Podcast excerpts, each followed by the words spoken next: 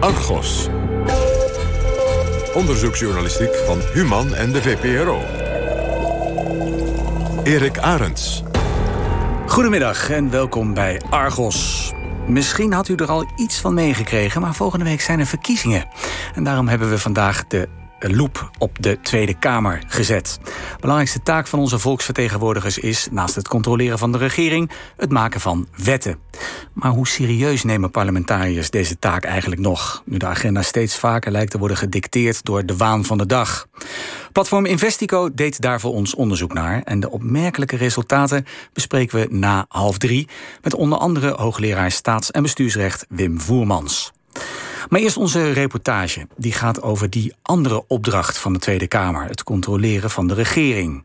In hoeverre kunnen Kamerleden die in een regeringsfractie zitten nog wel doen wat ze hun kiezers hebben beloofd en wat hun geweten hen ingeeft?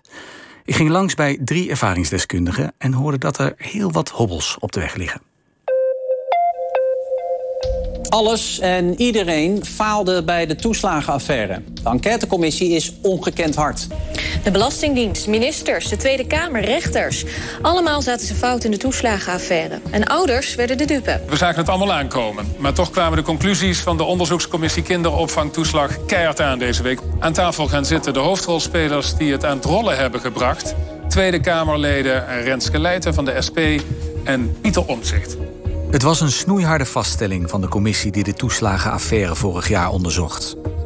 Tienduizenden mensen waren jarenlang onterecht als fraudeur aangemerkt, waardoor zij in grote financiële problemen waren gekomen. Het rapport bracht een flinke schok teweeg, in de politiek en in de samenleving. Niet alleen vanwege de omvang en de ernst van het schandaal, maar ook doordat bleek dat de overheid allerlei documenten was kwijtgeraakt, of erger nog, bewust had achtergehouden zodat Tweede Kamerleden slechts met grote moeite konden uitvogelen wat er precies was gebeurd. Voorzitter, ik kan mezelf moeilijk bedwingen. Dit is echt heel pijnlijk. We zitten hier Sherlock Holmes te spelen. Dit is geen detectiveje, maar dat is wat er de afgelopen drie jaar geworden zijn in deze Kamer. Met name het voortdurende gevecht dat Pieter Omzicht van het CDA en Renske Leijten van de SP moesten leveren, heeft nu de schijnwerpers op het werk van de Tweede Kamer gezet. Ik ben wit heet dat dit soort dingen. We zitten het hele weekend te onderhandelen omdat we zogenaamd het niet weten. Het ministerie wist het al acht maanden. En al die acht maanden zitten die ouders in de ellende, worden het huis uitgezet. En ze weten het, het wordt niet aan de commissies meegedeeld. Wat voor werk ben ik aan het doen, voorzitter? Ik kan wel wat anders gaan doen. Hoe goed functioneert ons parlement eigenlijk? De grondwet stelt dat de Tweede Kamer twee belangrijke taken heeft. Samen met de regering nieuwe wetten maken en controleren of de regering haar werk goed doet. Maar in de praktijk schort het daar regelmatig aan. Gisteravond kregen wij antwoord op Kamervragen, ingezonden 23 december. Antwoord 9 is, zie antwoord vraag 8. Antwoord 10, zie antwoord vraag 8. Antwoord 11, zie antwoord vraag 8. Antwoord 12, zie antwoord vraag 8. Dat gaat door, voorzitter, tot antwoord 24. Identieke antwoorden. En daar staat gewoon bij... wij vinden het niet zinnig om dit antwoord te geven. Dus mijn vraag aan de premier is... krijg ik binnen twee dagen hier volledig antwoord op? Of zijn we gek geworden? De toeslagenaffaire heeft nog eens blootgelegd dat de Kamer de regering lang niet altijd goed kan controleren. En onder meer dus omdat de regering vaak niet alle informatie geeft. Dat vertelde Pieter Omzicht bijvoorbeeld bij Talkshow op 1. Ze hielden stukken bij de rechter achter, stukken bij de Kamer achter... Hmm. om maar niet te vertellen wat er aan de hand was. En dat is de rot aan de rechtsstaat. En dat is waarom het ook ongekend onrecht is. Hmm. Want daarmee kon er niet gecontroleerd worden. En die ouders die kwamen helemaal naar de achtergrond. Want het kabinet sprak niet over die ouders die in de klem kwamen. Het kabinet sprak over de Kamerleden die vragen stelden. Maar er is meer aan de hand. Het schuurt namelijk niet alleen tussen Kamer en kabinet. Ook tussen Kamerleden onderling loopt het niet altijd soepel. Het gebeurt nog wel eens dat Kamerleden van regeringspartijen hun controlerende taak, laten we zeggen, iets losser invullen dan Kamerleden uit de oppositie. Dit zegt bijvoorbeeld Renske Leijten van de SP. Je ziet toch dat er heel veel Kamerleden doen alsof ze toch een beetje ministertje of staatssecretaris zijn. Ja, maar dat zijn ze niet. Ze hebben een controlerende taak. Maar er wordt van de coalitie Kamerleden heel erg verwacht dat zij altijd het belang van de regering dienen. Ja, maar daar is nou juist de regering voor. Dus ik zou het heel goed vinden als Kamerleden van de coalitie en oppositie zich vrijer zouden voelen. Vrijer in hun fractie ook zouden voelen om iets te doen. Renske Leijten werkte in de slepende toeslagenaffaire nauw samen met Pieter Omtzigt. En het was best bijzonder omdat Leijten met de SP in de oppositie zit en het CDA van Omtzigt in het kabinet, samen met VVD, D66 en ChristenUnie. Vooral voor Omtzigt was dat soms erg zwaar. Niet voor niets doet hij het sinds kort wat rustiger aan. De rol van coalitiekamerlid leidt tot stress. Dat merkte ook Joël Voordewind, volksvertegenwoordiger voor de ChristenUnie, maar in die rol dus ook lid van een partij die afgelopen vier jaar deel uitmaakte van de regering. Er zijn genoeg dossiers waarbij ik iets sterker dan alleen een tik op de vingers eh, heb gehad. Er zijn natuurlijk grote dossiers geweest, bijvoorbeeld een handelsverdrag met Canada, waarbij wij voorheen uh, tegen hadden gestemd als ChristenUnie. En nu de drie partijen uh, heel graag wilden dat wij voor zouden gaan stemmen. Maar wij hadden natuurlijk grote bezwaren tegen dit handelsverdrag. Wij waren er in het verleden tegen geweest. Dus uh, toen uh, ja, is dit op gaan spelen tot in het coalitieoverleg met de vicepremiers en de premier. En ja, dan is er wel een enorme druk door de andere partijen om door de pomp te gaan. En niet mee te bewegen met onze wensen. En ja, daar werd wel met de vuist op tafel geslagen, ja. Letterlijk. Letterlijk, ja. En dit zegt Keklik Yücel. Ook zij was een Kamerlid uit de coalitie. Van 2012 tot 2017. Toen haar partij, de Partij van de Arbeid, samen met de VVD het kabinet Rutte 2 vormde. Als je beëdigd wordt als Tweede Kamerlid, het eerste wat je doet is trouw beloven of zweren aan de grondwet. En dat je zonder last en ruggespraak je werk daar zal doen. Het is de belangrijkste belofte die je doet. De allerbelangrijkste belofte die je doet. En precies die belofte, die staat bij uitstek onder druk in je werk. En dat klopt niet. Ik ging bij Ugel voor de wind en Leiden op bezoek omdat ik daar meer over wilde weten. Hoe werken die politieke machinaties precies? Waar loop je tegenaan? In hoeverre gaat het ten koste van het controlerende werk van Kamerleden? En valt er iets tegen te doen? Natuurlijk wilde ik hierover ook graag met Pieter Omtzigt praten. Maar die had dus besloten om wat gas terug te nemen. Dus die afspraak ging helaas niet door.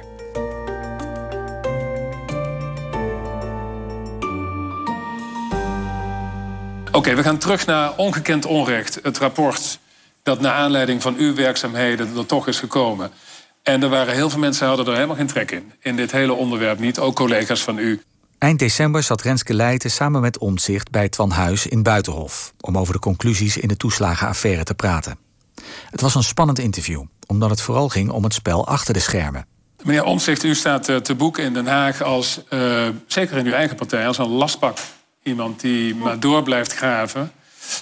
U zit nu al ja te knikken. Ja, hoor. En die eigenlijk dat politieke proces dat zo handig in achterkamertjes te regelen is, doorbreekt. En u bent onberekenbaar in de ogen van de partij. Mijn vraag aan u is: bent u in dit hele proces wel eens gebeld door een minister van uw politieke partij die heeft gezegd: Pieter, het is genoeg, hou ermee op. Je trekt de boel overhoop. Is er wel eens contact geweest tussen een minister die dit aan u gevraagd heeft? Er zijn wel eens bewindspersonen die gebeld hebben. En meestal uh, eindigde dat dat ik de dag erop een nieuwe, lange, moeilijke set Kamervragen indiende. Ja, dus u trok zich er niet vandaan? Nee. Omzicht raakte aan tafel bij Buitenhof in een lastig pakket. Omdat hij door de vragen van Twan Huis min of meer werd gedwongen om uit de school te klappen over de interne tegenwerking die hij vanuit de coalitie ondervond bij zijn controlerende werk als Kamerlid. En dat is iets waar je niet graag over praat, wil je de sfeer binnen de coalitie goed houden. Heeft de minister van Volksgezondheid u wel eens met deze vraag gebeld? Nee. Iets laten merken van hou ermee op?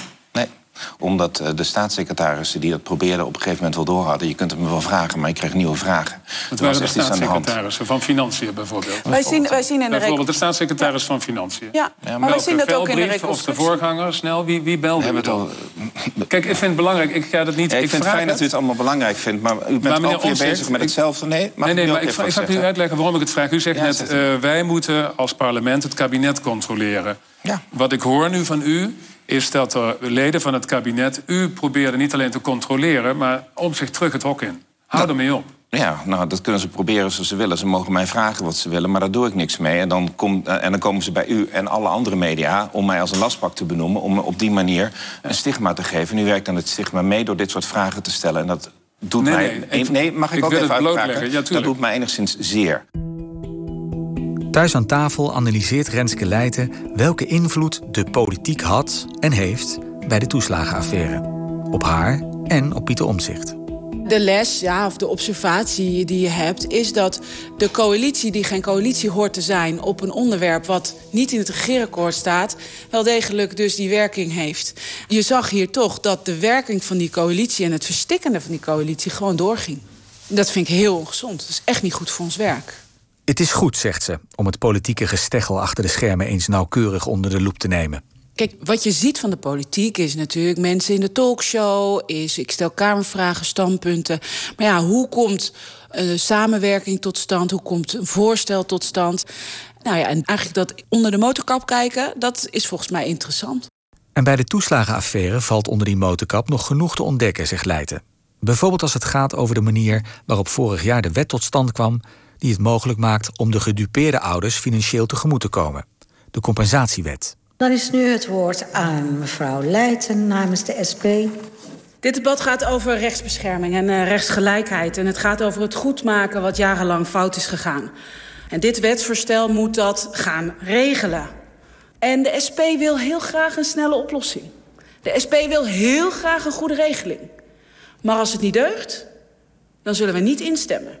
Het is de lente van 2020 en Leijten heeft ontdekt dat de groep die voor compensatie in aanmerking komt veel te klein is.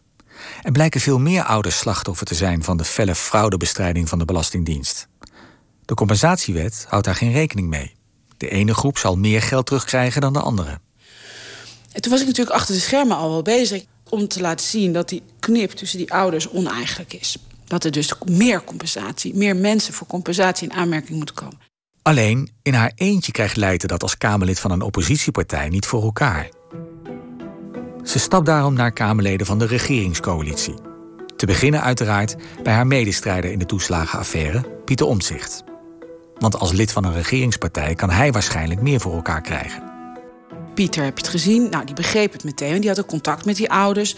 Dus die begreep meteen, ze heeft eigenlijk gelijk. Hè? En er moet dus meer geld bij. Nou ja, dat is dan evident.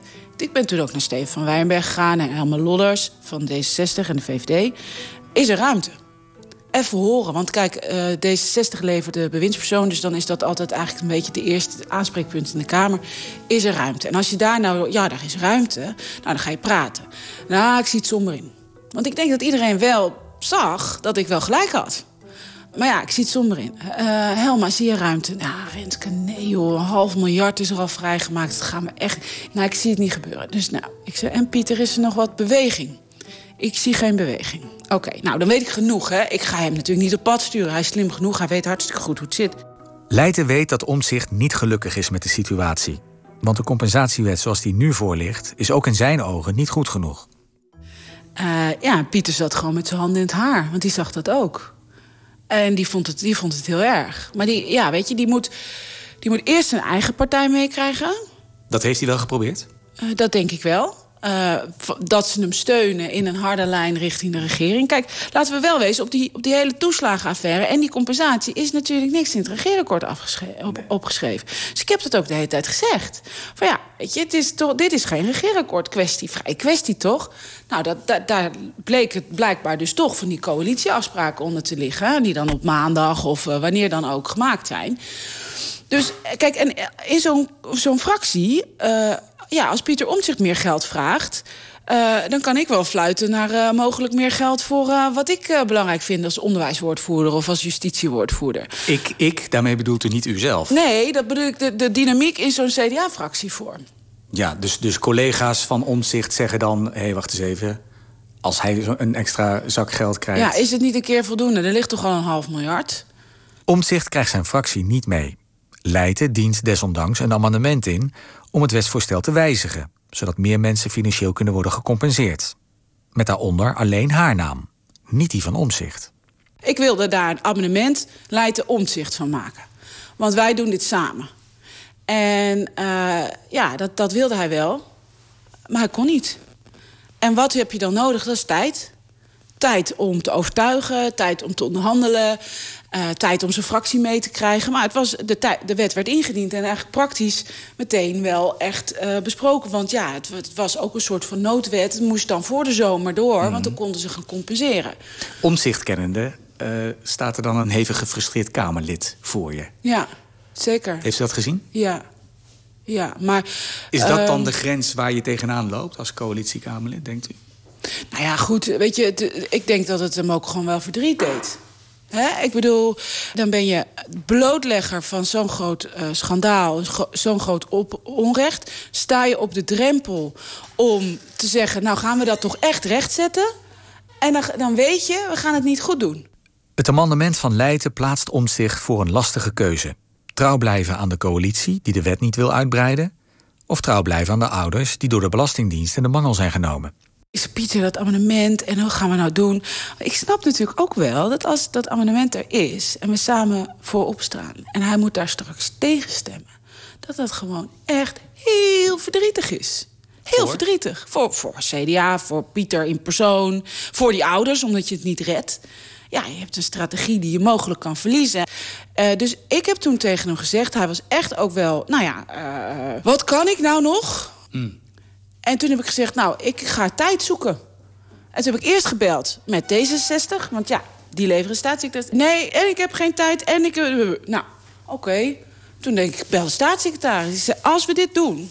Ik zei, we moeten echt iets doen op die groep verruimen, want het is niet goed ja, nee, en dit en dat, moet je eens begrijpen, zus. En ik hou helemaal niet van dat jufferige toontje dan. Dan denk ik, ik moet helemaal niks begrijpen. Mm. Jij begrijpt het niet. Maar goed, ik zei, nou ja, weet je, dan wordt het een bloedbad. Het wordt echt een bloedbad, want ik ga tegen... en ik ga iedereen die voorgaat, die ga ik najagen tot in de hel. In ieder geval verbaal van, uh, ja, je doet hier het verkeerde. Ja, kan je niet maken, zei Van Huffelen tegen mij. Dan ben jij de schuld dat ouders niet gecompenseerd worden. Ze, oh, gaan we het zo doen? Ben ik daar de schuld van? Nou, prima hoor, dat gaat niemand geloven. Ik je hebt gewoon een slechte wet gemaakt. Hij deugt niet en ik ga, wij gaan tegenstemmen. En we gaan iedereen oproepen in de oppositie om tegen te stemmen. Het moet een goede regeling zijn en anders geen regeling. Leijten pakt de telefoon en begint rond te bellen. Ze weet dat de regering Rutte in de Tweede Kamer een meerderheid heeft, maar in de Eerste Kamer niet. Dus per wetsvoorstel sluiten ze bondjes met andere partijen om het in de Eerste Kamer er doorheen te krijgen. Leijten ruikt haar kans. Want als in de Eerste Kamer geen meerderheid te vinden is voor de compensatiewet, en staatssecretaris Van Huffelen dat ook ziet, dan is er misschien toch nog een kans om de wet aan te passen en meer gedupeerde ouders de helpende hand te bieden. Ze klopt daarom aan bij de collega's uit de oppositie. Allereerst bij GroenLinks-Kamerlid Bart Snels. Ik zei, Bart, ga je niet die wet steunen? Ja, we, kunnen toch niet tegen zijn, want anders dan kan er geen compensatie zijn. Ik zei, nou, ik ga echt volle bak tegen, hoor. Want uh, het deugt van geen kanten. Dan maar deze wegstemmen en een betere wet maken. Duurt het twee maanden langer, maar wel een goede wet. Ik kan het uitleggen naar de ouders, die gaan dat wel geloven. Oh, oh. Nou, toen heb ik ook Partij van de Arbeid gebeld. En ik denk, ja, daar kunnen ze ook steun halen voor de Eerste mm. Kamer. En die zei, wij volgen jou. Mm. Toen dacht ik, nou, ze kunnen ook nog eh, steun halen bij de PVV. Kan ook zomaar uh, de, de, de, de, route zijn. En die zeiden, nou, als jullie tegengaan, dan uh, volgen we jou. En precies die boodschap, namelijk dat de meerderheid van de Eerste Kamer... de SP van Renske Leijten zal volgen in haar verzet tegen de compensatiewet... zet de zaak alsnog in beweging. Ja, toen was het opeens mogelijk om de wetsbehandeling uit te stellen. Toen was er opeens ruimte. Nou ja, toen heb ik uh, uh, een appje gestuurd naar uh, Van Huffelen. Moeten we niet eens praten over dat abonnement? En toen kon het? En die zei, nou ja, dat moeten we eigenlijk wel doen... maar ik moet eerst naar de ministerraad, want het kost geld. Dus toen moest zij naar de ministerraad, belden ze me daarna... nou, kom maandag maar langs. En toen hebben we die uitbreiding geregeld. Zo kreeg Leijten alsnog voor elkaar dat de compensatiewet nu doet wat hij moet doen. Namelijk alle gedupeerden tegemoetkomen en niet een deel. Maar nu ze erop terugkijkt, geeft het politieke geritsel dat daarvoor nodig was en de aanvankelijke onwil bij de coalitie haar wel een dubbel gevoel. Kijk, er stond nergens in het regeerakkoord: er komt een toeslagenschandaal en dat moeten we gaan compenseren. Het gebeurde op dat moment. Ja, en dan moet je medewetgever kunnen zijn. Juist op iets waar je je controlerende taak hebt gedaan. En dat waren ze eigenlijk niet van plan. Ze waren eigenlijk van plan om lekker buiten Leiden om... Laat haar maar staan met haar eis voor vergroting van de groep. Ze waren van plan dat even te bedisselen in de Eerste Kamer. En omdat ik heb gezegd, ja, maar ho eens even, ik laat me niet passeren...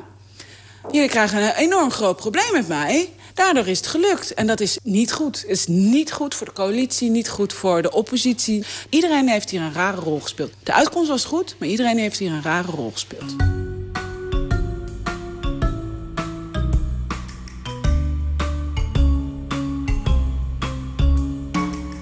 Maar voor de goede orde, het heeft natuurlijk niet alleen maar nadelen om Kamerlid te zijn van een regeringspartij. Het mooie van coalitiepartij zijn is dat je hm, niet alleen je idealen kan uh, vertolken hier in het parlement, maar ook je idealen kan verwezenlijken. Uh, omdat je meeschrijft met een regeerakkoord, omdat je mee onderhandelt als er nieuwe, actuele onderwerpen zich aandienen. Dit zegt Joël Voordewind van de ChristenUnie. En dus mee het beleid kan bepalen wat het eh, kabinet dan vervolgens uitvoert. Dat is het mooie. tegelijkertijd is het het ingewikkeldste, want op het moment dat je eenmaal afspraken maakt, moet je daar wel aan houden.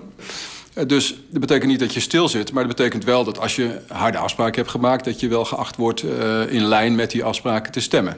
Voor de wind wil maar zeggen: Nederland is een polderland dat het moet hebben van compromissen. Dus moest de ChristenUnie in 2017, bij de onderhandelingen over het regeerakkoord van het huidige kabinet, bijvoorbeeld slikken dat een belangrijke wens van de partij niet in vervulling kon gaan: de uitbreiding van het kinderpardon. Het kinderpardon was voor mij belangrijk omdat het ging om honderden kinderen die uh, hier vijf jaar of langer zaten en moesten wachten op een besluit van de overheid, van het IND. En inmiddels dus helemaal verworteld waren in Nederland. Sommige kinderen waren hier zelfs geboren, sommige kinderen moesten tien jaar wachten. Hadden hier vriendjes, uh, waren nooit in het land van herkomst van hun ouders uh, geweest, spraken de taal niet, hadden dan helemaal opnieuw moeten beginnen. Onze stelling als ChristenUnie was... Uh, als je binnen vijf jaar niet een procedure kan afronden... dan kan je niet met goed fatsoen uh, mensen alsnog terugsturen. Maar in de coalitie van Rutte 3 kreeg de Partij van Voordewind het niet voor elkaar... om de bestaande regels voor het kinderpardon op te rekken. Met als gevolg dat oppositiepartijen als GroenLinks en de Partij van de Arbeid... in de Tweede Kamer allerlei moties over het kinderpardon indienden... waar Voordewind het diep in zijn hart volledig mee eens was... maar dat niet openlijk mocht laten blijken. En dan was het natuurlijk wel uh, lastig en je kreeg pijn in je buik. Dat je dan uh, ja, uh, moet stemmen overeenkomstig een regeerakkoord... terwijl je het er van harte mee eens bent. Dus bedacht Voor de Wind een list. Hij probeerde zich onzichtbaar te maken. Ik kan me nog heel goed herinneren dat ik de eerste keer moest besluiten over een motie of het kinderpardon... en dat ik um, even niet aanwezig ben geweest. Toevallig? Ja, die heb ik overgeslagen. Met goedkeuren van de fractievoorzitter, Segers? Dat heeft hij door de vingers uh, gezien. En is dat dan ook bekend bij de rest? Heeft iedereen dat meteen in de gaten? Hé, hey, voor de wind is er niet. Dat is niet voor niks. Nou, dat, dat, dat had gekund. De goede opletter had dat uh, kunnen zien. Kijk, ik vond het voor mezelf niet heel sterk. Want je hebt tenslotte een afspraak gemaakt. Dus ik, het is me ook maar één keer overkomen. want je moet wel voor je handtekening staan. Maar goed, het, betekent niet dat je, dat je pijn in, hè, dus dat je pijn in je buik daar uh, zit. Je moet je, je vinger omhoog houden of juist niet omhoog houden... omdat je het niet mee eens mag zijn. Ik heb ook zitten dubben of ik aan deze regering zou meedoen. Uh, toen die tijd, toen we het besluit moesten nemen... vanwege dat gebrek aan kinderpardon. Uh, uiteindelijk was de afweging, ik kan nu principieel mijn handen wassen in onschuld en eruit stappen. Of ik kan mijn uiterste best doen drie jaar lang om alsnog dingen binnen te halen als het gaat om het asielgebied en humaan asielbeleid. Uiteindelijk heb ik voor het laatste gekozen en ik ben blij dat ik het heb gedaan. Want uiteindelijk zijn er wel positieve resultaten gekomen. Een regeerakkoord, dat teken je voor je. Daar moet je ook aan houden. Iets anders is als je ruimte ziet ontstaan waardoor je toch het meer jouw kant op kan trekken. Ja, moet je die ruimte niet nalaten natuurlijk. In de twintig jaar dat Keklik Yücel actief is binnen de Partij van de Arbeid... heeft ze naar eigen zeggen altijd pal proberen te staan voor de sociaaldemocratie. Nou, wat ik daar kwam doen was natuurlijk trouw aan de grondwet en uh, onze fundamentele waarden. En in ieder geval vanuit de beginselen van de sociaaldemocratie, juist als burgers in de knel zitten, daar voor opstaan. Dat deed ze ook in discussies over discriminatie, integratie en de invloed van onvrije landen als Turkije op de eigen burgers. Toch zit Yücel niet meer in de Tweede Kamer. en staat ze bij de verkiezingen van volgende week niet op de kieslijst van de PvdA. Ja. Hoe komt dat? Raar, raar, hoe kan dat? ja. Ja, het is een beetje gek om dat over jezelf te zeggen natuurlijk. Maar uh, kijk, ik was geen dwarsligger. Maar waar ik zelf invloed op heb gehad, heb ik niet losgelaten. Nee. En ik ben wel het gevecht intern aangegaan. En op waarde. En daar heb ik echt alle ruimte voor gepakt. De grenzen in opgezocht. Tijdens het kabinet Rutte 2, waarin de Partij van de Arbeid samen met de VVD de lakens uitdeelde, zag Ugel scherp hoe de belangen van de coalitie afbreuk kunnen doen aan het controlerende werk van de Kamer. Dat gebeurt bijvoorbeeld in 2014. Pieter Omtzigt zit dan met het CDA in de oppositie en wil Kamervragen stellen aan de toenmalige PvdA-minister van Buitenlandse Zaken, Frans Timmermans. Het was januari of februari. kwam Pieter Omtzigt naar me toe en zei: Ik heb een set vragen en ik wil heel graag dat jullie ook meetekenen. Zou jij mij daarbij kunnen helpen? Want jouw fractie wil niet meetekenen. En dat ging over? Dat ging over mogelijke steun van Turkije aan Syrische rebellen die in de extremistische hoek zaten. Nou, dat is natuurlijk ook een gevaar uiteindelijk voor Europa. Om zo aan de randen van Europa ja. jihadisten groot te maken als, het, als, als die berichten kloppen. En uh, in diezelfde set vragen, nou ja, die sloot hij eigenlijk af met ook een, uh, een vraag van kunnen we internationaal onderzoek hiernaar laten doen? Of binnen NAVO-verband of EU-verband hier verder naar kijken. Om de wel onderste steen naar boven te krijgen, ja. hoe dit precies zit. En ik uh, zei natuurlijk, uh, ik zal er naar kijken. Ik ben niet de woordvoerder, dus ik kan niet zelf mijn handtekening hieronder zetten. Maar ik ga zeker bij uh, collega's kijken of dat kan en in de fractie dit bespreken. Maar haar collega's zijn niet blij met de vragen van Omzicht. Ze zijn te gedetailleerd. En de toon van de vragen bevalt de PvdA-fractie ook niet. Tot ergernis van Ugel. Ik had daar wel gedachten bij, uiteraard. En hoe ik baalde die? daarvan. Ik baalde ervan. Want ik dacht van, nou, pff, toon. En dan? Toon van de Kamervragen. Ja, uh, we hebben het over Frans Timmermans. Die kan echt wel tegen een stootje, hè? dus hoezo toon? Dus ik dacht, nou, dit zijn oneigenlijke argumenten. Hier draait het om iets anders. Hier draait het om gewoon geen vervelende vragen... richting je eigen minister stellen. Twee jaar later, in de lente van 2016, ontstaat opnieuw wrijving tussen de macht van de regering en de tegenmacht uit de Kamer. Ik ben dus gisteravond van mijn bed gelicht. Twee mannen stonden op de deur te bonken, twee agenten. Ik moest meekomen vanwege twee tweets. In april van dat jaar wordt de Turks-Nederlandse columniste Ebru Umar opgepakt in Turkije. Ze heeft op Twitter twee pittige berichten geplaatst over de Turkse president Erdogan, die zich daardoor zo beledigd voelt dat de Turkse politie haar onder huisarrest plaatst. En ik ben de hele avond vastgehouden. Ik mag het land niet uit. Ik moet een paar dagen melden op het politiebureau. In Nederland voelt Keklik Yücel dat zij in actie moet komen. Want de arrestatie van Umar gaat in haar ogen veel te ver. Ik heb daar als eerste een tweet over gestuurd. Dat ik het onacceptabel vond. En dat Ebru Umar hierin gesteund moest worden. Los om wat ze gezegd heeft. Hè. Het gaat mij helemaal niet om uh, haar opvattingen. En uh, dat boeit mij helemaal niet. Dat is helemaal niet relevant. Uh, als het binnen de grenzen van onze rechtsstaat is. Dan mag dat. Dan mag dat. Probleem is dat de Nederlandse regering op dat moment niet staat te springen om Turkije voor het hoofd te stoten. De EU heeft namelijk net een deal met Erdogan gesloten over het tegenhouden van de stroom vluchtelingen die dan richting Europa trekt. Daar komt nog iets bij.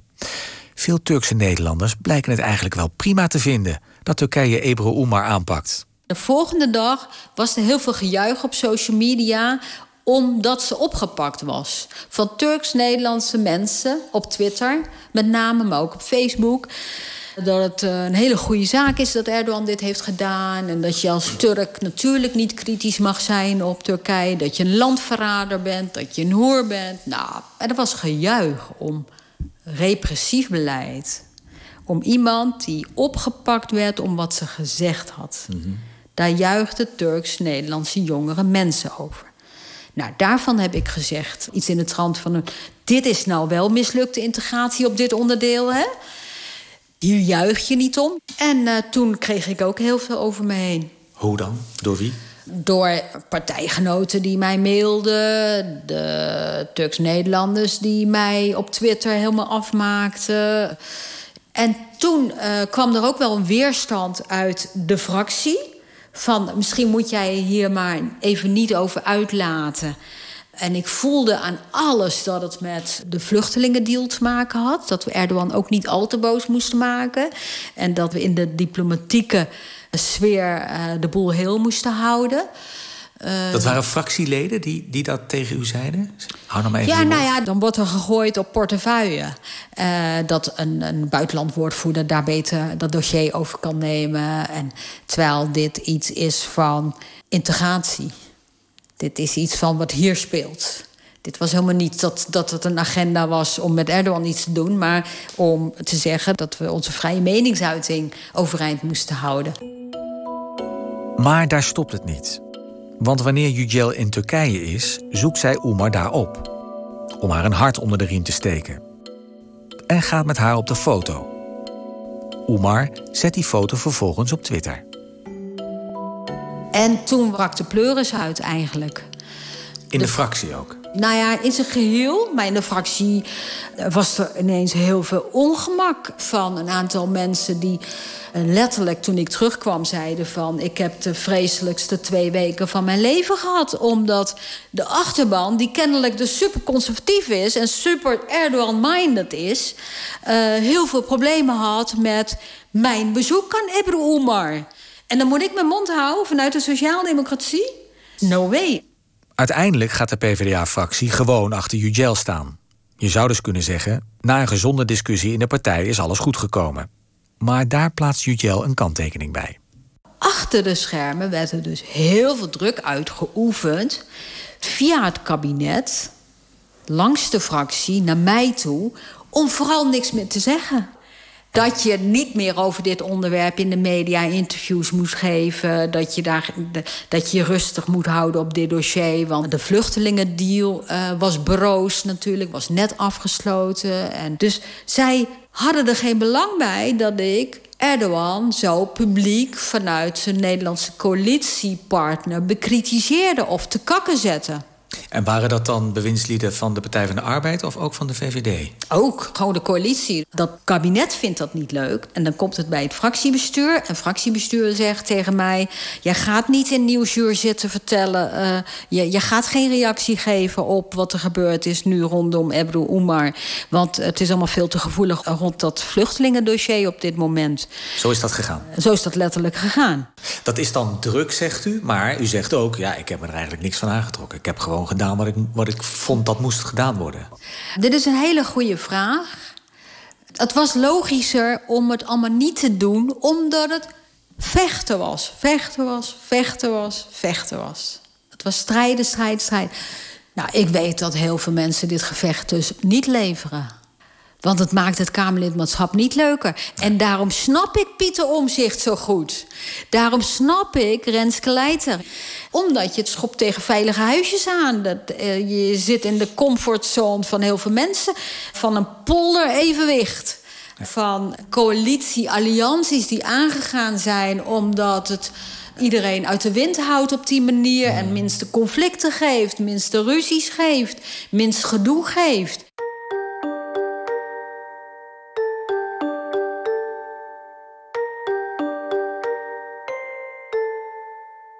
Hoe kan het anders? Renske Leijten heeft wel een idee. Minder deeltjes tussen de bewindslieden uit het kabinet en hun partijgenoten in het parlement. Je zou een hardere knip moeten hebben tussen bestuur van het land en de Kamer. Want iedere week is er coalitieoverleg. Je hebt een regering en een coalitieoverleg. Ja, waar worden nou de besluiten genomen? In de ministerraad of in het coalitieoverleg? Want wat gebeurt er in het coalitieoverleg? Ja, je ziet dat toch iedere keer, die beelden... dat ze bij VWS of welk ministerie is het dan naar binnen lopen... en dat ze daar gaan overleggen. En dat, dat daar dan de minister-president en de vicepremiers bij zijn.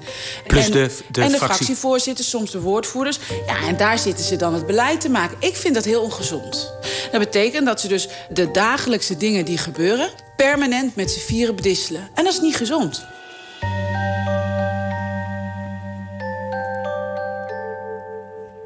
Ja, tot zover dit inkijkje achter de schermen van de Haagse politiek. Een reportage die ik maakte onder eindredactie van Huub Jaspers. En de techniek was in handen van Alfred Koster. Meegeluisterd heeft Wim Voermans, hoogleraar staats- en bestuursrecht aan de Universiteit Leiden en, en schrijver van het pas verschenen boek Het Land moet bestuurd worden. Goedemiddag, meneer Voermans. Goedemiddag, meneer Arends. Ja, uw boek gaat eigenlijk over de vraag hoe de politiek onder Rutte functioneert. Een beetje wat we ook, eigenlijk een beetje wat we in de reportage ook behandelden. we hoorden zojuist dat er nogal wat spanning kan ontstaan bij Kamerleden die lid zijn van een regeringspartij. Spanning tussen wat zij zelf vinden en wat is afgesproken in, uh, in de regeringscoalitie. Is dat nou typisch iets van nu of worstelen Kamerleden daar al veel langer mee? Ja, daar worstelen Kamerleden al heel veel langer mee. Uh, we hebben het dus bekeken in Leiden uh, vanaf 1918 eigenlijk. En dan zie je toch altijd dat dat een, een, groot probleem is. Wij zijn een land van minderheden, heel veel kleine fracties. En die moeten natuurlijk, als ze een, uh, een, een regering willen gaan vormen, een coalitie vormen. En dat gebeurt, die coalities zijn in 75, meer dan 75 van de procent van de gevallen, zijn dat drie partijen, vier partijen of vijf partijkabinetten. Mm -hmm. En dan moet je dus stevige afspraken maken, vooral als je klein kleine meerderheden hebt in de Kamer. En dan is het dus heel lastig om de stem van je kiezer door te vertalen. Je hebt een compromis gesloten. Ja, je hebt een gedeelte van je ziel weggegeven, als het ware. En dan moet je uh, ja, in die vier jaar je gaan houden aan dat compromis. Er komen ook van allerlei nieuwe dingen uh, aan de orde. En dan die broze meerderheden zorgen ervoor dat dat een, echt een spagaat kan worden voor een Kamerlid. Ja, dus het is eigenlijk heel logisch, zegt u, dat dit soort afspraken al worden gemaakt. En dat er dus ook dit soort coalitieoverleggen, informele overleggen plaatsvinden. Ja, dat is uh, in die zin wel logisch ook. Ik, ik zeg het wel, uh, Renske Leijten wel na hoor, dat het uh, natuurlijk niet helemaal goed is en zoals het is bedoeld. Hè. De, de Kamer heeft een eigen controlerende rol. het kabinet heeft een eigen rol, die moeten besturen. die moeten onafhankelijk van elkaar het werk kunnen doen, anders kan de Kamer niet meer controleren. Maar in de praktijk zitten ze heel dicht op elkaar. Hè. Een soort monisme hebben we in plaats van dualisme. En dat is heel moeilijk uit te roeien in Nederland. Hm. ja. En, en is, het, is, het, is het dan ook niet te voorkomen? Of zijn er, zijn er alternatieven mogelijk? Nou, ik zou het niet uh, 1, 2, 3 zo weten. Ja. Je, ja, je zou, ja, de, de, kiezer kan het verschil maken. Je ziet, uh, we zien ook uit ons onderzoek dat uh, in tijden dat um, fracties groot zijn. Hè, als je grote partijen hebt, in de jaren 80 bijvoorbeeld, het CDA was toen erg groot. Ja. dan had je twee partijencoalities en die hadden nou, niet 75 zetels, maar die hadden 80 of 85 zetels van de 150. Ja. En die konden ook veel ontspannender omgaan met dissidenten. Die had je toen ook in het CDA. Dus dan konden echt Kamerleden toch nog een eigen koers varen. Maar hoe kleiner de meerderheden worden, hoe brozer ze worden, hoe ja, meer die, die coalitiepartijen elkaar vast, aan elkaar vastklampen. Uh, en natuurlijk ook wat krampachtig gaan sturen op mensen die een andere mening zouden hebben. Ja, dan zou bijvoorbeeld een politicus als Pieter Omzicht in de jaren tachtig het veel makkelijker hebben gehad misschien.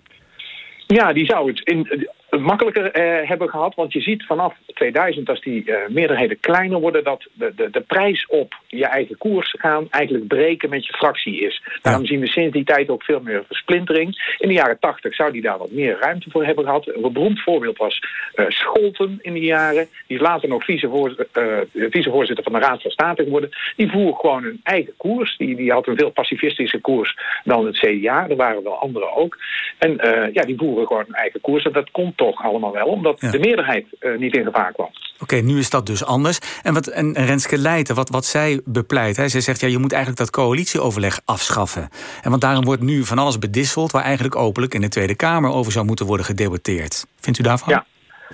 Nou, ik zeg het er ook al na. Hè. Dus elke maandagochtend is dat uh, coalitieoverleg er. Uh, dan worden eigenlijk ja, de, de, de, de beurten uitgezet. Dan, dan wordt er eigenlijk besloten wat er gaat ge gebeuren. dat is een heel smal groepje van mensen die dat doet. En dat wordt dan later met de fractie besproken. En eigenlijk krijgt de ministerraad ook gewoon de marsorders door vrijdag. Van dit gaan we doen. De, de bewindslieden zelf vinden het ook vervelend. Maar het is iets wat bij ons politieke leven hoort.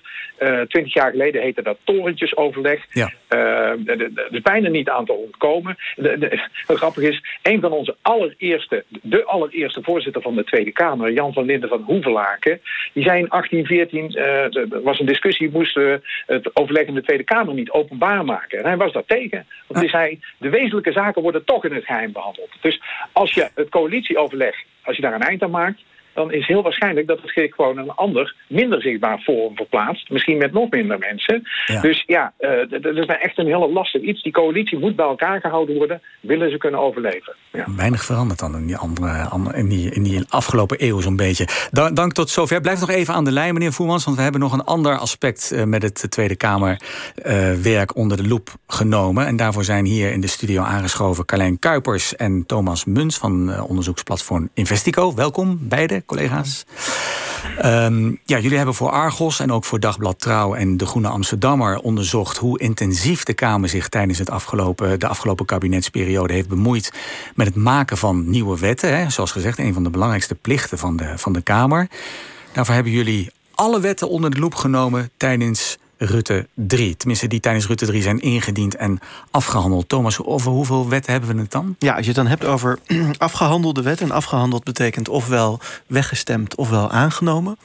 Um, dan zijn dat 374 wetten. Die hebben jullie allemaal onder de loep genomen? Ja, want nou, wat wij vooral hebben gedaan... samen met onze collega van Investico, Michelle Salomons... is dat we naar de, op de website van de Tweede Kamer... wordt heel netjes bijgehouden hoe die wet precies behandeld is. Die gaat door een aantal stappen heen in het wetsproces. Mm Dat wordt netjes uh, online weergegeven. Maar goed, daar is niet één archief van. Dus wat je dan uh, doet, of althans wat Michelle dan doet, is die script, uh, zoals dat heet, die gegevens van de website af, zodat wij in een Excel-sheet in wezen hebben welke wetten welke stappen hebben doorlopen. Wat van al die is 374. Ja, ja. En Carlijn, welke bemoeienis kun je zeggen heeft de Kamer bij die wetgeving gehad? Heeft, heeft de Kamer zijn werk goed gedaan? Nou, je ziet een aantal verschillen. We hebben, we hebben vergeleken met wat de Kamer tien jaar geleden deed. Ja. Um, en wat je ziet is dat um, het aantal keren dat de Kamer een wet plenair behandelt, en dat is eigenlijk de, de standaardroute om een, om een wet te bespreken, is heel erg afgenomen. Om, in 2011 was dat nog 141 keer en inmiddels is dat maar 65 keer per jaar. Dus dat is een halver, halvering. Ja. Um, en als gevolg daarvan worden wetten eigenlijk steeds vaker besproken in commissiezaaltjes. En dat is een klein comité. En dat is eigenlijk een, een overleg dat helemaal nooit bedoeld is als vervanging voor plenair. Maar dat is het wel geworden. Dus je hebt steeds meer wetten die in, in kleine zaaltjes, in kleine groepen ook worden behandeld. En is dat dan erg? Moet je dat erg vinden? Nou, uh, het, in die kleine groepjes is, is er veel minder aandacht voor wetgeving. Um, hmm. Dus er, zijn, er is minder pers aanwezig, er is minder aandacht voor wat er besproken wordt. En als er belangrijke wetten besproken worden, ja, dan is dat, is dat erg. Ja. Um, en daarnaast zie je dat, dat in die kleine overleggen, dat, dat er heel veel fracties niet aanwezig zijn. Dus er zijn best wel wat wetten die door door drie, vier Kamerfracties besproken worden. Terwijl je eigenlijk de volle breedte wil hebben om, ja. om zo'n wet goed te bespreken. Ja, drie, vier fracties. Want hoeveel hebben we er eigenlijk in de, in, in de Tweede Kamer? 15 op dit moment. Ja, dat ik. is dus een, een derde ja. of zo. Ja, ja maar waar, waar, waar, zijn de, de, die andere fracties dan op dat moment? Nou ja, wat je, wat je ziet is... Um, uh, kijk, Kamerleden hebben het heel druk. Hè? Dus uh, um, ze kunnen van alles doen. Enerzijds zijn er dan debatten over actuele dingen... die niet per se over een wet gaan, maar die wel belangrijk zijn voor de samenleving. Die worden dan vaak besproken in de beroemde plenaire zaal hè, met die blauwe zetels. Ja. Ik denk als je een zetel denkt, dat is daar. Ja. Um, of, en dat, dat zie je ook, er zijn een aantal van die zaaltjes waarin wetten besproken worden. Dus dat zijn net als vroeger uh, op school. Uh, er zijn verschillende lokalen. Ja. Uh, um, en op een gegeven moment moet je ook weer uit dat lokaal. Dat kan dus zelfs gebeuren dat je met elkaar zit te praten. En dat we weten van, nou ja, we hebben het, we hebben het zaaltje om een aantal cruciale wetten te bespreken ja, voor 2,5 uur. En daarna moet er een andere groep in. Hmm. Dus, dus daar gebeuren, er zijn heel veel van die overleggen. Um, en naarmate je, um, ja, je fractie ook kleiner is, uh, is het moeilijker om daar uh, die allemaal af te lopen of daar allemaal aanwezig te zijn. Meneer Voermans, wist u dat? dat? Dat bij het bespreken van die wetten er dus heel veel fracties gewoon helemaal niet aanwezig zijn? Nou, de, ik uh, dank uh, Thomas Muns en Carlijn Kuipers voor het gedegen onderzoek. Want uh, de, de, precies van de hoed en de rand wist ik dat niet. Ik wist wel dat er wat onvrede over was. Over die, ja, het depolitiseren als het ware van de wetgeving. Hè. Dus alles verbanden naar het wetgevingsoverleg. Het heel technisch maken. En dan komen dus Kamerleden in de rol te zitten van eigenlijk meewerkend ambtenaren. Niet van volksvertegenwoordiger. Ja. En dat is wat ze vervelend vinden. Ja, ja, maar het schijnt zelfs zo te zijn dat, hè, dat uh, Carlijn en Thomas, jullie hebben dat ook uitgevonden, dat, dat er, er zelfs iets van 38% van het totaal aantal wetten, daar wordt helemaal niet over gedebatteerd, meneer ja. Voermans. Dat is toch, ik, ik schrok er wel van. Ja, daar schrok ik ook wel van. Uh, dat zijn nogal forse cijfers. En dat is natuurlijk niet goed. Maar het is wel een gevolg van het gekozen systeem. Hè? Dus dat je gewoon eigenlijk niet meer de kans krijgt. Dit is met name ook. Uh, het gebeurt in coalitie. Uh, de, in coalitiepartijen, maar meestal in de oppositiepartijen heb ik begrepen uit het onderzoek dat ze niet meer opkomen dagen. Ja, als je denkt, ik, we hebben toch geen kans meer om ons punt te maken. En we moeten daar kostbare tijd gaan investeren in een heel technisch overleg waar eigenlijk uh, van alles voor wordt geprobeerd om dat zo uh, gedepolitiseerd en zo technisch mogelijk te houden, dan kan ik me wel iets voorstellen dat je je politieke kapitaal daar niet op inzet. Dat, Daarmee zeg ik niet dat het goed is, maar uh, ik kan me wel voorstellen dat dat, dat, dat, dat de prijs der dingen wordt. Ja. ja. wat is, wat is het? De, kun je een wet noemen die door een heel klein clubje is uh, besproken? Wat, wat sprong het meest in het oog? Nou, eentje die opviel was een bespreking van uh, de invoering van een wet voor een Europees Openbaar Ministerie. Um, en, Belangrijk, ja, lijkt me. Behoorlijk, ja. Um, en toen die bespreking begon, toen zaten er twee mensen in de zaal. Of nee, twee Kamerleden. Dus um, Chris van Dam van het CDA. En D66-Kamerlid en minister Grapperhaus, ook van CDA. En Chris van Dam die zat daar en die zei... Goeiedag, voorzitter. Wat jammer dat u hier maar met z'n tweeën zitten.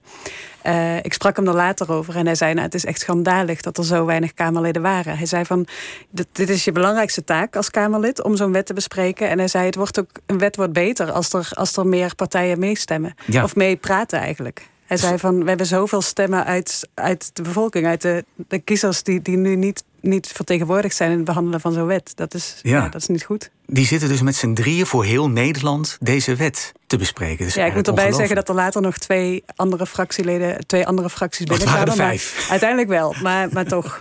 en Thomas, wat is hiervan de oorzaak? Want dit lijkt me toch niet iets dat je, ja, waar je makkelijk aan voorbij kunt gaan. Nou ja, die oors wat de oorzaak is, kan je denk ik heel erg goed zien aan het, aan het lot van de Partij van de Arbeid de afgelopen jaren. Wat wij zagen waren dat ze um, de afgelopen regeerperiode 40 procent Nee, ze waren bij volgens mij 30% van de wetsbesprekingen niet aanwezig. Niet, ja, 30% waren ze niet aanwezig. De Partij van de Arbeid. De Partij van de Arbeid. En dan moet je dus voorstellen, het is een partij die in de vorige regeerperiode in het, de ministers levert. Ja. En wat gebeurt daar? Ja, je ziet dat een partij eigenlijk van, het was een, uh, iets minder dan 40 zetels, implodeerde tot negen zetels nu acht effectief. Want een van de zetels is Khadija Arif, die de voorzitter is van de Tweede Kamer.